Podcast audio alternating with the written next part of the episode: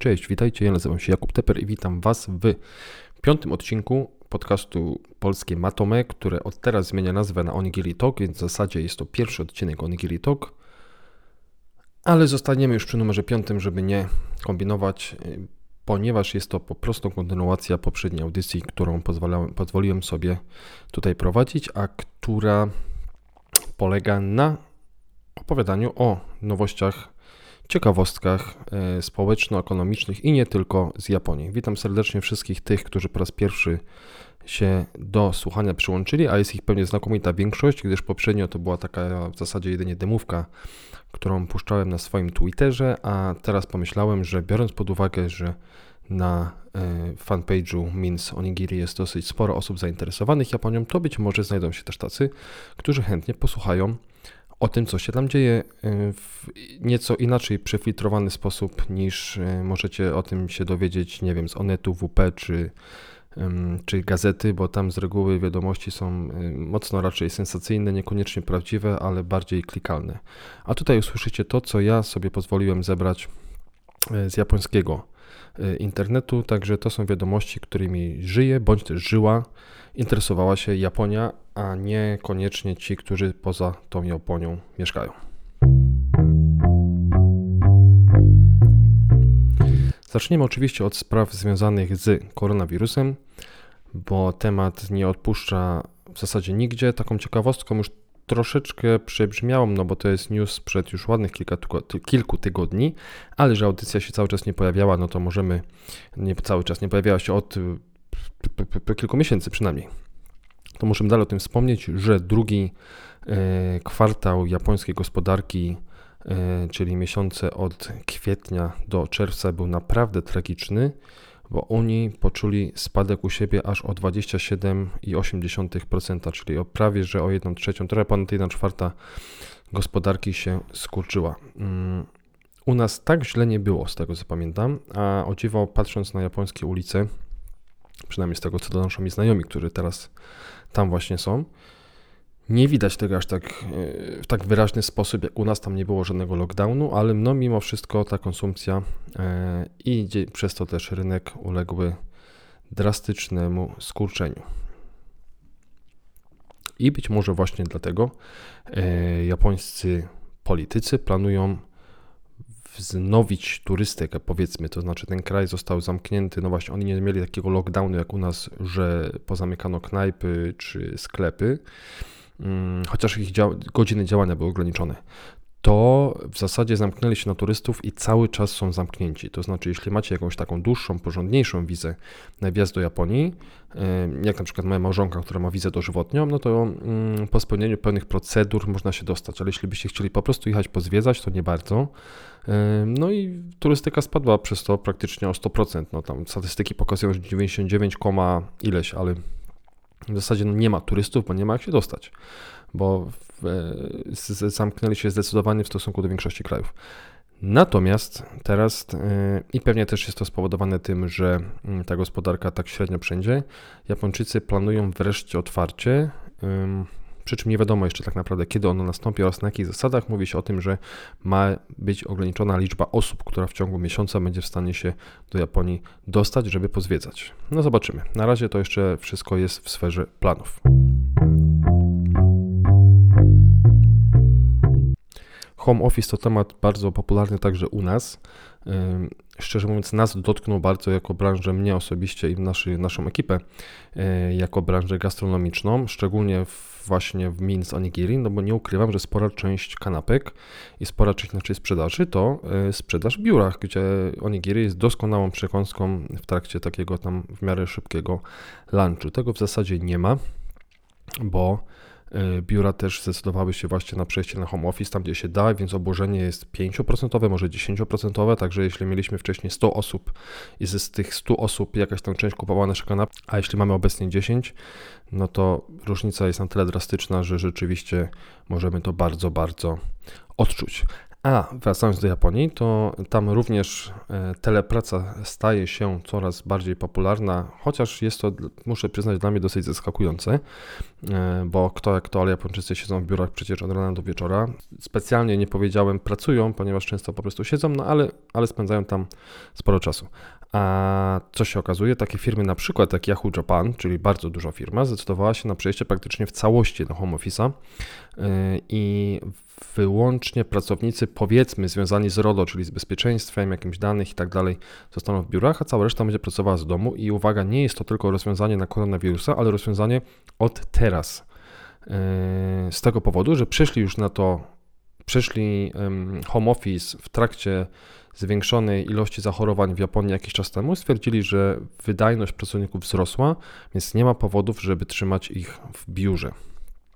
Przy czym Problem leży gdzie indziej, mianowicie Japończycy, e, no trudno powiedzieć, że są znani z tego, ale generalnie jeśli się mieszka w Japonii, wychowuje się na japońskiej prowincji, to z dużą dozą, dozą prawdopodobieństwa skończy się mimo wszystko pracując dla jakiejś firmy w Tokio, no ewentualnie w Kansai, ale generalnie w Tokio, tak? Jeśli tam w języku japońskim jest słówko, które oznacza przyjazd do Tokio, przeprowadzenie się do Tokio jest to osobne słówko, no to możemy już założyć, że skala jest tego na tyle duża e, i ona wcale nie szczególnie spada. W związku z czym Japończycy, e, japońscy politycy zaniepokojeni wyludnianiem się e, wiejskich terenów co jakiś czas proponują pewne rozwiązania, które miałyby pomóc, żeby opanować to zjawisko. I teraz jedno z takich, które mamy obecnie, to jest to, że osoby, które właśnie na home office przeprowadzą się poza Tokio, czyli mogą pracować dla firmy tokijskiej, ale samego home office będą wykonywać poza stolicą, dostaną jednorazowej pomocy do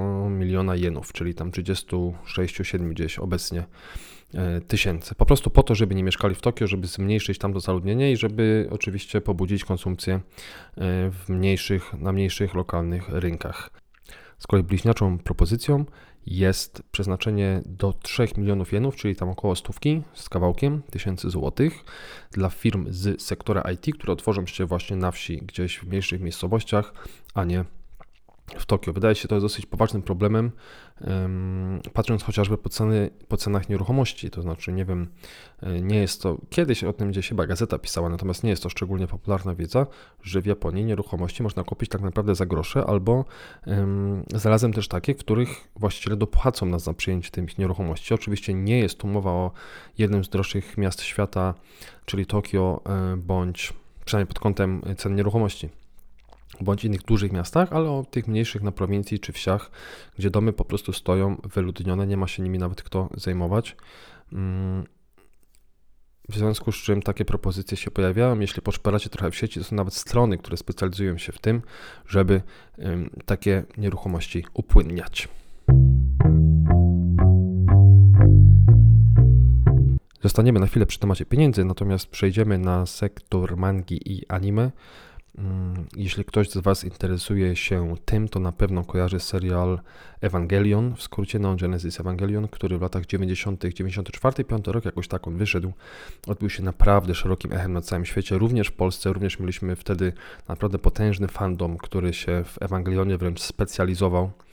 E, no to było niesamowite. E, I ta seria do dzisiaj jest popularna, do dzisiaj powstają mm, chociażby filmy, które są remake'ami, remake'ów, remake'ów, ja już się z tym nieco pogubiłem. Ale marka jak najbardziej żyje. A jednym z takich sztandarowych elementów Ewangeliona to był też motyw przewodni, e, czyli piosenka Zankoku na Tensi no Teze, którą każdy fan mangi tak naprawdę chyba zna i, i wielu z nas śpiewało na karaoke i w Polsce, i w Japonii i tak dalej. W związku z czym e, nie ma absolutnie żadnych wątpliwości, że jest to przehit światowej sławy. I teraz uważajcie. Przez ostatnie 25 lat, 25 lat, bo tyle już minęło od powstania Ewangeliona, kompozytor tej piosenki e, w każdym roku corocznie kasował z tytułu samych praw autorskich do niej, uwaga, po przeliczeniu wychodzi to milion złotych z kawałkiem, więc kwota jest no niewyobrażalna dosyć, szczególnie przez tak długi okres czasu i wynika pewnie z tego, że cały czas Zankoku jest popularny w sieci tam, czy wśród fanów oczywiście, ale też no właśnie, choćby na karaoke. I zakładam, że lokalne prawo autorskie zakłada jakieś tantiemy od każdego odpalenia takiego, takiego utworu. Więc możemy jedynie pogratulować i życzę Wam wszystkim i sobie również, żebyśmy kiedyś stworzyli działo, które wzruszy nie tylko pół świata, ale jeszcze pozwoli nam całkiem godnie przez wiele, wiele lat żyć.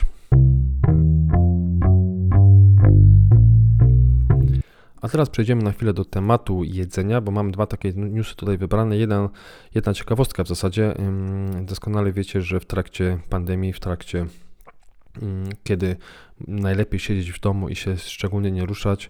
Nie zawsze chce nam się mimo wszystko gotować, więc serwisy typu Uber, y, Volt i tak dalej są bardzo pomocne i wszyscy z nich korzystamy. Y, na czym z jednej strony knajpiarze troszeczkę obolewają, no bo prowizje brane przez serwisy są często dosyć wysokie, ale z drugiej strony no, pomagają też przeżyć, no bo nie da się nie docenić gotowej infrastruktury z aplikacją, z kurierami i tak dalej. Jest to bardzo z punktu widzenia knajpy wygodne, że mają taki e, dynamiczny kanał sprzedaży. Natomiast co mnie dosyć tutaj zdziwiło, bo sam korzystam z Uber Eatsa nie tylko jako klient, ale też jako knajpiarz, więc wiem jakie są prowizje pobierane w Polsce.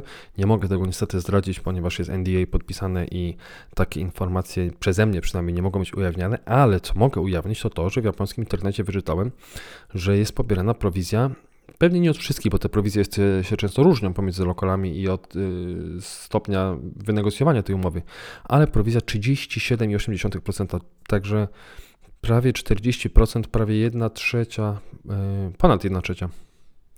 Y, idzie, jedna trzecia kosztu dania idzie do, e, do Ubera. Przy czym należy też dodać, że oczywiście dodatkowo jeszcze płaci się za dostawę. E, dla mnie jest to dosyć zastanawiające, to znaczy zdziwiłem się na przykład rozmawiając z właścicielem jednej z e, tego typu firm w Polsce, że powiedział mi, że tak naprawdę nie marketing, nie cała reszta jest tutaj największym kosztem, nie kurierzy, ale aplikacja do mapowania i to, żeby umieć porozumieć ze sobą kurierów, knajpy, ich lokalizacje i tak dalej, że tego typu opłaty tak naprawdę mocno schowane, bo nawet szczerze mówiąc nie pomyślałem o tym, czy to może kosztować, generują dosyć wysokie koszty, natomiast no wysokie koszty wysokimi kosztami, ale prawie połowa to jakby nie patrzeć, to już jest za dużo.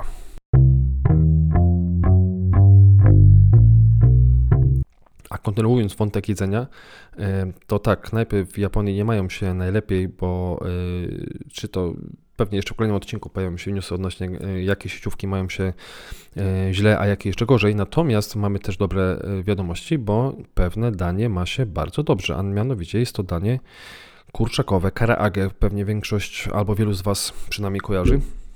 Czyli taki klasyczny smażony kurczak po japońsku.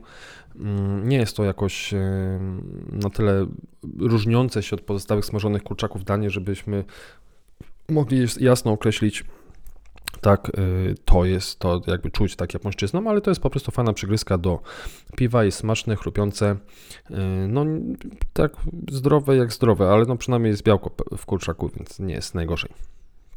I wyobraźcie sobie, że akurat to danie od 2010 y, roku to danie i rynek tych lokali w Japonii sukcesywnie rośnie przez cały czas. Przyspieszyło jeszcze po trzęsieniu ziemi w 2011, co ciekawe. I w porównaniu do 2018 roku rynek w 2019 wzrósł aż o 41%. Czyli to naprawdę bardzo, bardzo dużo. I a w tym roku ma osiągnąć wartość ponad już miliarda dolarów w samej Japonii. Rynek kurczaków karaage. Mm, to z jednej strony może dziwić, akurat to danie, a nie rameny, y, gyudony, czy inne sushi, czy inne takie, no ale z drugiej strony y, karaage jest na tyle, powiedziałbym, wygodnym i uniwersalnym właśnie daniem czy przekąską, że nadaje się i jako, no właśnie, do przygryzienia przy piwie i nadaje się jako część lunchu y, z ryżem się sprawdził też świetnie i jako gdzieś przekąska, żeby zabrać ze sobą i jako dostawa do domu doskonale pasuje, w sensie to nie jest danie, które po dostawie jakoś bardzo wiele straci na y, swoich walorach, czy to smakowych, czy jakichkolwiek innych. Więc no, może to, y, jak się na tym zastanowić, może to rzeczywiście ma sens. My u nas w Polsce kurczaków aż tak dużo znaczy jeść jemy i produkujemy też bardzo dużo, natomiast o takich wzrostach nie słyszałem. Ale wykorzystam tą chwilę, żeby, y, żeby przypomnieć wszystkim, że my już wkrótce otworzymy kimchickena, czyli naszego, co pada nie japońskiego karaage, ale koreańskiego kurczaka, y, ale o tym jeszcze sobie pewnie kiedyś powiemy.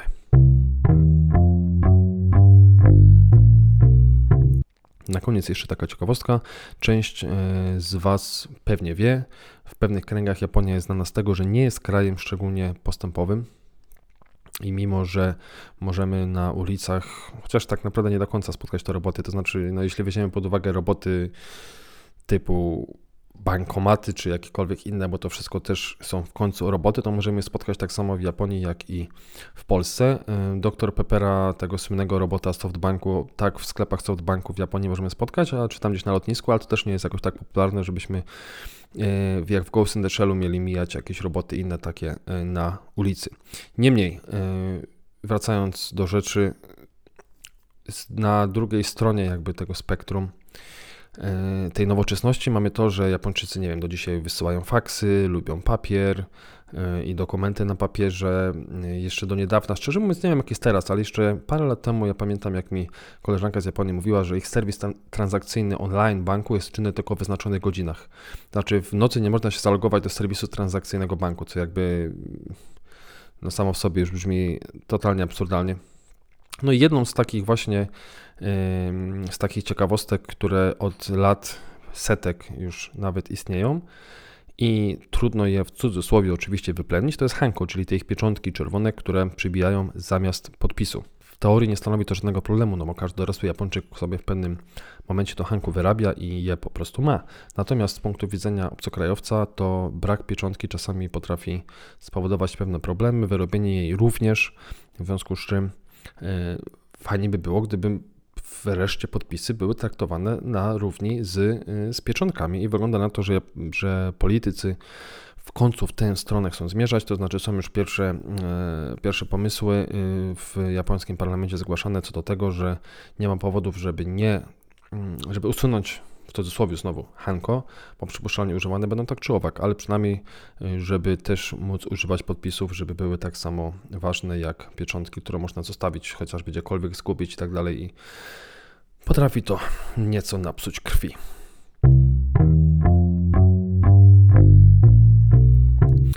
Dobra, to dziękuję Wam bardzo za wysłuchanie do końca tych, którzy wysłuchali do końca naszej audycji. E, tak jak widzicie, jest to raczej krótka forma, którą będę publikował. Mam nadzieję, że regularnie co tydzień lub co dwa, e, dzieląc się z Wami wiadomościami z kraju kwitącej wiśni. Pamiętajcie o tym, żeby naszą audycję zasubskrybować, wtedy będziecie na pewno powiadamiani o niej na bieżąco, bądź też możecie po prostu śledzić nasz fanpage Means Onigiri gdzie też podcast będzie wrzucany. Będzie mi bardzo miło, jeśli e, dacie znać, czy Wam się podobało, czy chcielibyście usłyszeć na jakiś konkretny temat, czy może zaprosić jakichś gości. E, wszystkie te sugestie są naprawdę bardzo mile widziane. Jestem za nie bardzo wdzięczny i mam nadzieję, że już teraz bez większych przeszkód będziemy mogli tę formę kontynuować. Także dzięki bardzo za przesłuchanie i do usłyszenia